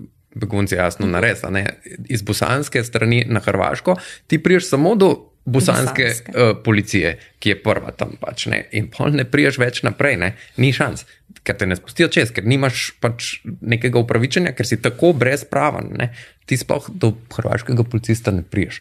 Ne, uh, sem se pa spomnil enega anekdotičnega primera, ki je mogoče zelo indikativen. Uh, spomnim se enega primera, ko pa so eni uh, prosilci za azil uspeli priti v Slovenijo. Um, mislim, da no, nekje tam na vzhodu, mogoče so šli celo čez Mačarsko ali pa pač nekako uh, tam pač na tujskem koncu. Recimo. In so se odločili, ko so enkrat bili v Sloveniji, da zdaj bojo pa oni pač se pošteno obnašali, narekovajih ne pač. Uh, Ker itak to ni nepošteno, da priješ kot prosilec za azil, ja, ti imaš pravico ja. prijeti in zaprositi za azil. No, in so šli na mejni prehod Ampak to, iz ja. slovenske ja? strani, ne, zato ker pač so zdaj pa že bili v Sloveniji in so rekli, ok, zdaj pa lahko prijemo do tega mejnega prehoda, ker nas ne bo hrvaška policija zaustavila. Ja, kaj se jim je zgodilo? Prijeli so jih in so jih deportirali na Hrvaško. Ne, de, pushback ne, je bil. Ne, prav, Oni so naredili prav. Ne? Oni so naredili prav. Zgledljiv ja. sarkazm je, da greš ja. na meni prehod od, od znotraj. Od znotraj, ja, ja. Pa še to je v bistvu brezplodno. Ja, ker so jih takoj deportirali. Ja. Skratka, to je odgovor na to. Mm -hmm. uh, zdaj, mogoče sam zabeležil sem si, ker si vprašala, če nas bodo preplavili. Ne, uh -huh. um, ne zato ker noben uh, mislim, če bi že v Sloveniji nastala taka situacija, da bi, da bi bilo preveč beguncev, mm -hmm. uh, oni naslednji ne bi več prišli, ker, mm -hmm. ker tukaj nimaš kaj iskati. Mm -hmm. Tako da preplavljanje, mislim, preveč. Mm -hmm. Če bi tam, kjer se izkaže, da država ne obravnava um, beguncev tako, kot bi pričakovali, da, da poskrbi za njih tja, se begunci odidejo drugam. No, je pa ja. to, veš, dikcija, ki se uporablja. Ja, ja, jo, ja. Tako kot recimo je tudi samo pogosto vprašanje, dober, ampak razumemo, da ti Hrvati pa ti bosanci kršijo vse živo, ne, kar se tiče beguncev, ampak a naša država res krši kakšna pravila ali so to samo te grde druge države? Um, krši, krši. Uh -huh. um, uh, jaz sicer mislim, da na drugačen način, ampak mm -hmm. sej v bistvu. Ne, to, to je zato, vse sem že tudi rekel, jaz mislim, da naša policija ne bi smela nikogar izročati na Hrvaško. Um, zato, ker Dublin, gor ali dol, pravo je, mogoče zato, ker sem ustavni pravnik, če piše v ustavi, mučenje je prepovedano, če reče ustavno stišče, to je pravica absolutnega značaja. Pa pa če rečeš, ja, prva, prva, prvi dokument, ki pr, prvi pravni vir, ki mu sledim kot policist, je pač ustava in jaz tega ne počnem. Uh, um, in to bi čist lepo šlo skozi, in tudi v Dublin bi se dal to ne tako zelo težko nekako umestiti. Um, eno stvar sem hotel dodati, ker eh, ta, k temu ABC-ju, mm -hmm. ker če, če se lotiš. Eh, kdaj je mazohističnega skrolanja po komentarjih, po, po, po članki o, o, o beguncih? Um, zelo, to sem pa že davno nehala biti tako mazohistična, ampak kar povej. Včasih, včasih celo, včasih mal paše, ne? včasih moraš mal, se mi zdi, se zbostne. Um, se mi zdi, da se še vedno, ne zakaj ne pridejo na meni prihod. V bistvu se pojavlja vprašanje, zakaj pa niso oni šli v Damasku na letalo. Aha, se ja. jaz gledam, se to, to niso tako drage karte. Um, in v bistvu, pravzaprav, jaz ne vem, ali to a, a, ljudje, ki to pišejo, se pač nekako norčujejo ali kako koli. Ampak, ampak lahko pa da res ne vejo, ne, da, da v bistvu to. Uh, Ker, ker za tem vprašanjem se skriva odsotnost celega sistema, humanega prihoda begunca v varno državo, ki ga Evropa, namesto da bi gradila to, uh, gradi ograje. Uh, dela pač vse, mi bomo zagotovili. To, to je vse lep, vedno lepo zapakirano. Treba je zagotoviti varnost na mejah, ne? treba je v bistvu poskrbeti ne? in vedno je tu in, in, in ta varnost in preprečevanje uh, kaznjivih dejanj in, in tako naprej. Ampak v bistvu ob tem, da se gradi to, se pa zanemarja ali pa razgrajuje sistem, po katerem bi begunec lahko na varen način prišel. Vse v bistvu res, če dobro pomisliš, če rečeš, da je ta človek, ki je napisal ta komentar, dobroveren, se pravzaprav se to res sliši kot izjemno elegantna rešitev za probleme ogromno ljudi. Seveda, ja. Greš na letalo in. Greš na letalo, tako, kar, bi bil, kar bi bil verjetno instinkt vsakega od ja. nas, če bi, se, če, bi, če bi se začel dogajati nekaj groznega, ne? um, da, da, se, da odletiš nekam daleč. Ampak uh, pravni sistem to onemogoča. Ne? Pravni sistem v bistvu uh, predvideva tako visoke sankcije za letalskega prevoznika, ki bi nekoga ilegalno, pod narekovaj, spravil v Slovenijo ali pa drugo državo Evropske unije, da, da noben noče tega tvegati, noben letalski ladijski prevoznik. In v bistvu to je sistem, ki ga ni, ampak ki v enem potiska ljudi proti ograji, potiska ljudi, potiska ljudi proti temu, da tvegajo življenje, in seveda, absolutno počne tudi to, da potiska ljudi v roke uh, tistim, ki jih bojo pretihotapili čez mejo. In, in, in, in, in sam vse plaže, ker mi bomo zgradili ograje, zato da bomo zaustavili organizirane kriminalne družbe, izvajanje kaznjivih dejanj, ampak v resnici postavljamo, motiviramo ljudi, oziroma jih pehamo v to, da pravzaprav svoje zadnje prihranke dajo prav kriminalnim družbam in, in se, in se, se uh, izpostavljajo zelo velikim tveganjem.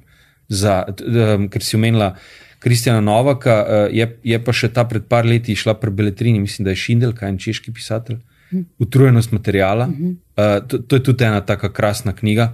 Uh, ki ti tudi ravno tako te podobe. In tam je v bistvu ravno zgodba enega palestinskega begunca, ki, ki proda ledvico, ne, da, da, da, da, si pot, da si plača pot v Evropo. Kar je gotovo neka zelo pogosta zgodba. Um, ampak vidiš, v bistvu to pač ne, ljudje, ki so pripravljeni tvegati vse in kam, kam gre ta denar, ne, ne v letalsko karto, pa v, pa v 100 evrov takse za vizo, ne, če že, ampak v bistvu nekomu, ki, uh, ki, ki zaradi kogar potem evropski davkoplačevalci gradimo ograje in kupujemo podmornice in drone. In, vem, Mhm. tako. Uh, Zana, ti pač uh, vsak dan praktično delaš uh, z begunci, uh, tudi letos jih želite peljati na morje. Mm. Povem, mogoče za konec kaj več o tem. Ja, v bistvu že od leta 2016 nekako pač se vsako poletje, niti ni nikoli planirano vnaprej, ampak zmeri, ko pride poletje, pač sami begunci pač prihajajo ven s to idejo, da bi bilo pa lepo, če bi šli na morje, ne, ker še niso bili, ali pa tisti, ki so mogoče že bili, da bi šli še enkrat, ker je zmeri tak lep dogodek. Tako da se vsakeč, pa vsako leto na mal drug način no, se zorganiziramo, kako pač se naberajo finance, zato pa um, pač kako cel izlet splaniramo. Tako da letos, letos tudi planiramo, nekje sredo avgusta smo si zamislili, da bomo šli. Uh, in nač, vsi se ful veselimo. Večina zdaj um, članov naših, ki bo šlo z nami, sploh še ni bilo ven iz Ljubljane, ker to je tudi ena stvar v tem Janševem zakonu bila spremenjena, da prosilci za azil nimajo več pravice ven iz občine, kjer živijo, mm. kar je tudi um, kar dramatično, morajo pač uh, dovolilnico no, dobiti.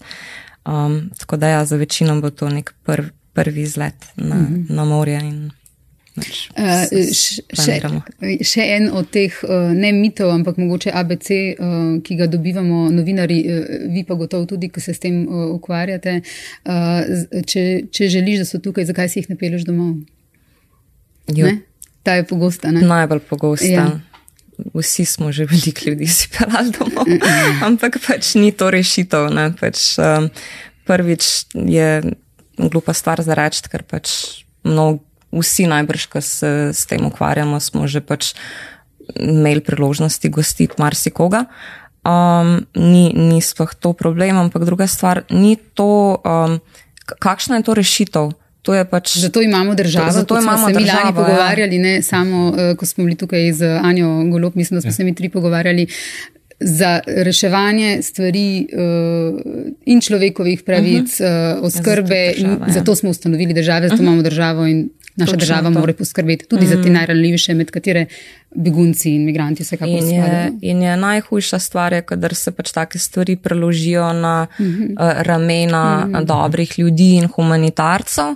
Prvič s tem spet ljudi v stiski izpostaviš nekim možnostim uh -huh. zlorabe, uh -huh. kar, velikrat, kar smo recimo videli v primeru ukrajinskih beguncev, ko so prišli in se je na veliko pozivalo uh, slovenske državljane naj odprejo svoja vrata. Pa smo zelo hitro potem brali članke ne, o nekih sumih na zlorabe ukrajinskih deklet, ki so lahko za ston živele prekom. Um, pa, pa ne sem pri nas, po celi Evropi. Prvič, to ni rešitev, ker je pač zelo nenadzirana rešitev in lahko marsikoga, ki je v stiski, pahne še v večjo stisko.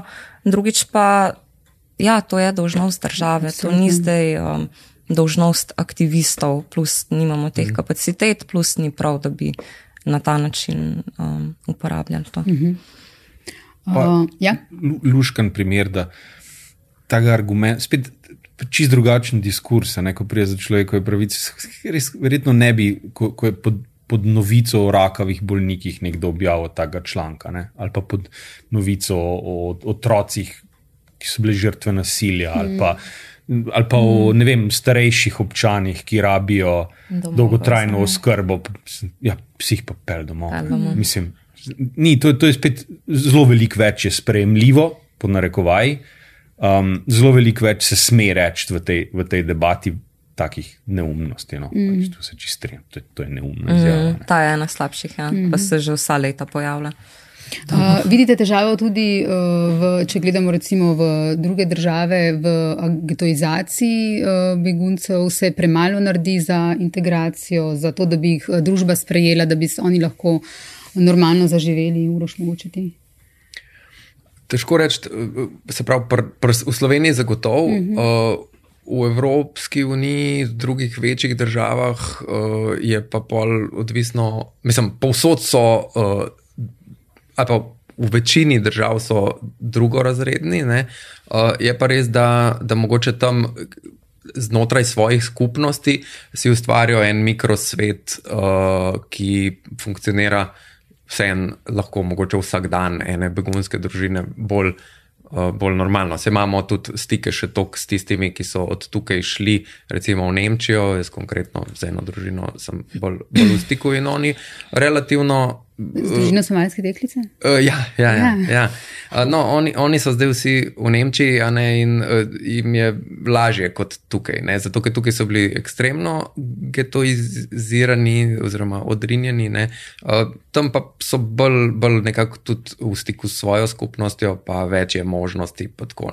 Mm, generalno je pa to pravo vprašanje. Ja, seveda, vprašanje integracije je zelo pomembno, eno največjih v, Evropski, v Evropi. No. Ja. Mogoče sem še to omenila, da pač ta somalska deklica je pač zgodba, ki smo jo vsi spremljali pred leti. Ne? Um, neka taka zgodba, ki so jo uh, Slovenci um, nasprotju s kakšnimi drugimi zgodbami zelo lepo sprejeli. Ne?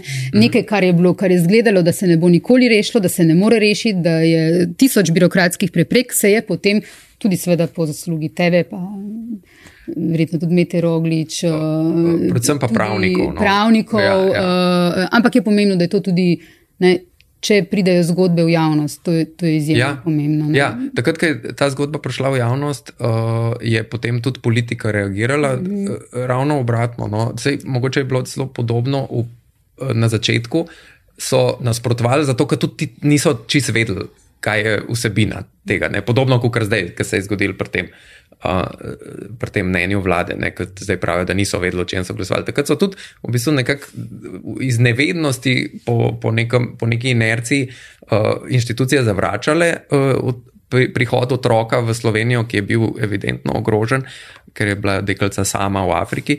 Um, no, in je prišla k sestri, ne? Je prišla in k sestri, ja. No, ja. Uh, in uh, potem je pa celo politika se zauzela uh -huh. uh, in so kar organizirali en tak reševalni tim in so jo zelo hitro pol pripeljali sem na en čist uh, svojstven način, pa so pa še v bistvu vse skupaj uh, potrdile še pravne inštitucije, oziroma cel status bil pol potrjen. Ampak nažalost, ne, tako kot sem prej rekel, kljub temu, da se je ta zgodba srečno končala in je družina kar nekaj let pol še živela v Sloveniji, uh, so enkrat prišli do točke, ko pa so ugotovili, da ne morejo več, ker je pač integracija tako uh, težka. Ne. Za somalijsko družino še bolj kot za mogoče kakšno drugo. Ja. Bi tukaj morala Slovenija torej tudi narediti še več? Ja, absolutno. Mm. Pač, uh, ena stvar, ki jo pač opažam v tem vsakodnevnem delu, je, um, pač, kar se tiče integracije, ljudje brez težav dobijo službo. To ni, ne? tudi zdaj, ko se je spremenil zakon, da lahko delajo prosilci za azil po, že po treh mesecih, ne po devetih. Uh, Teden, dva, vsi delajo. Uh, problem nastane, ko je treba se izseliti iz azilnega doma in si ustvariti svoje novo življenje. Uh, na svojem, torej v najemu, ko ljudje, tudi kljub temu, da delajo in imajo svoje prihodke, ne morejo najeti dostojne sobe, kjer bi lahko živeli. In imamo pač odrasli ljudi v 30-ih, 40-ih, ko si moraš še zmeraj deliti male sobice s pogradi z več drugimi ljudmi iz iste države, pa z neki isto situacijo, um, ker si ne morejo prvoščati, da bi imeli, ne vem, saj svojo sobo ali pa garsonjero ali pa sobo z oknom. Um, to je luksus, če si begunc, da lahko najameš sobo z oknom. Um, skratka, delajo lahko, živeti pa ne morejo, mhm. ker ni poskrbljeno na tem področju nič. Ljudje si morajo iskati nastanitve um, na prostem trgu nepremičnin, pač grejo na nepremičnine.net, grejo na Boho in tam gledajo, in potem so o, tam m, mm, hodijo gledati te, ta stanovanja, kjer jim delajo konkurenco slovenske študentke prvega letnika, brez živali in brez fanta, ki pač dobijo, imajo prednost pač pred njimi. Mm. In, in, ja, in potem pač ljudje najemajo take popolnoma. Neprimerne, neprimerne sobe, in je pač to um, katastrofa. Delaš, imaš denar, ampak ne ne moreš najeti sobe, v kateri bi lahko dostojno živel, kaj šele, ker so njega. Ker si begunec. Ker si begunec, ker okay. si tamen. Ker to pa največ predsodko slišiš, ko kličeš za stanovanja. Mm -hmm. Dober dan, sem videla vaš glas na Bohi, iščem sobo za prijatelja, ki prihaja iz Afrike, iz kjerkoli že. Tam šele se ne poslušaš ABC stereotipov o beguncih. To pa kar ne šparajo z besedami, najhujše. Mm -hmm. uh, ja, kaj pa dela, je v službo hod, po šolo o, priden, sem mislil, da črn snoben ne dela. Mm. Ne, tako, ta, tač. Torej, v stilu komentarjev. Pod. Ja, v stilu, ja, ja, ja. Iskanje sobe, sem kot da se pogovarjaš v živo s temi komentarji. Mm. Tako da ja, je kar. Najlepša hvala vsem trem, da ste prišli v ene na podcast, da ste bili hvala. naši gostje. Hvala ja, tudi hvala. za vse, v bistvu, kar počnete, vsem trem v vaših službah, oziroma tudi v prostem času. Hvala tudi gledalkam in gledalcem, poslušalcem in poslušalkam. Še en ena podcast je bil to, in že naslednji teden smo spet na zvezi.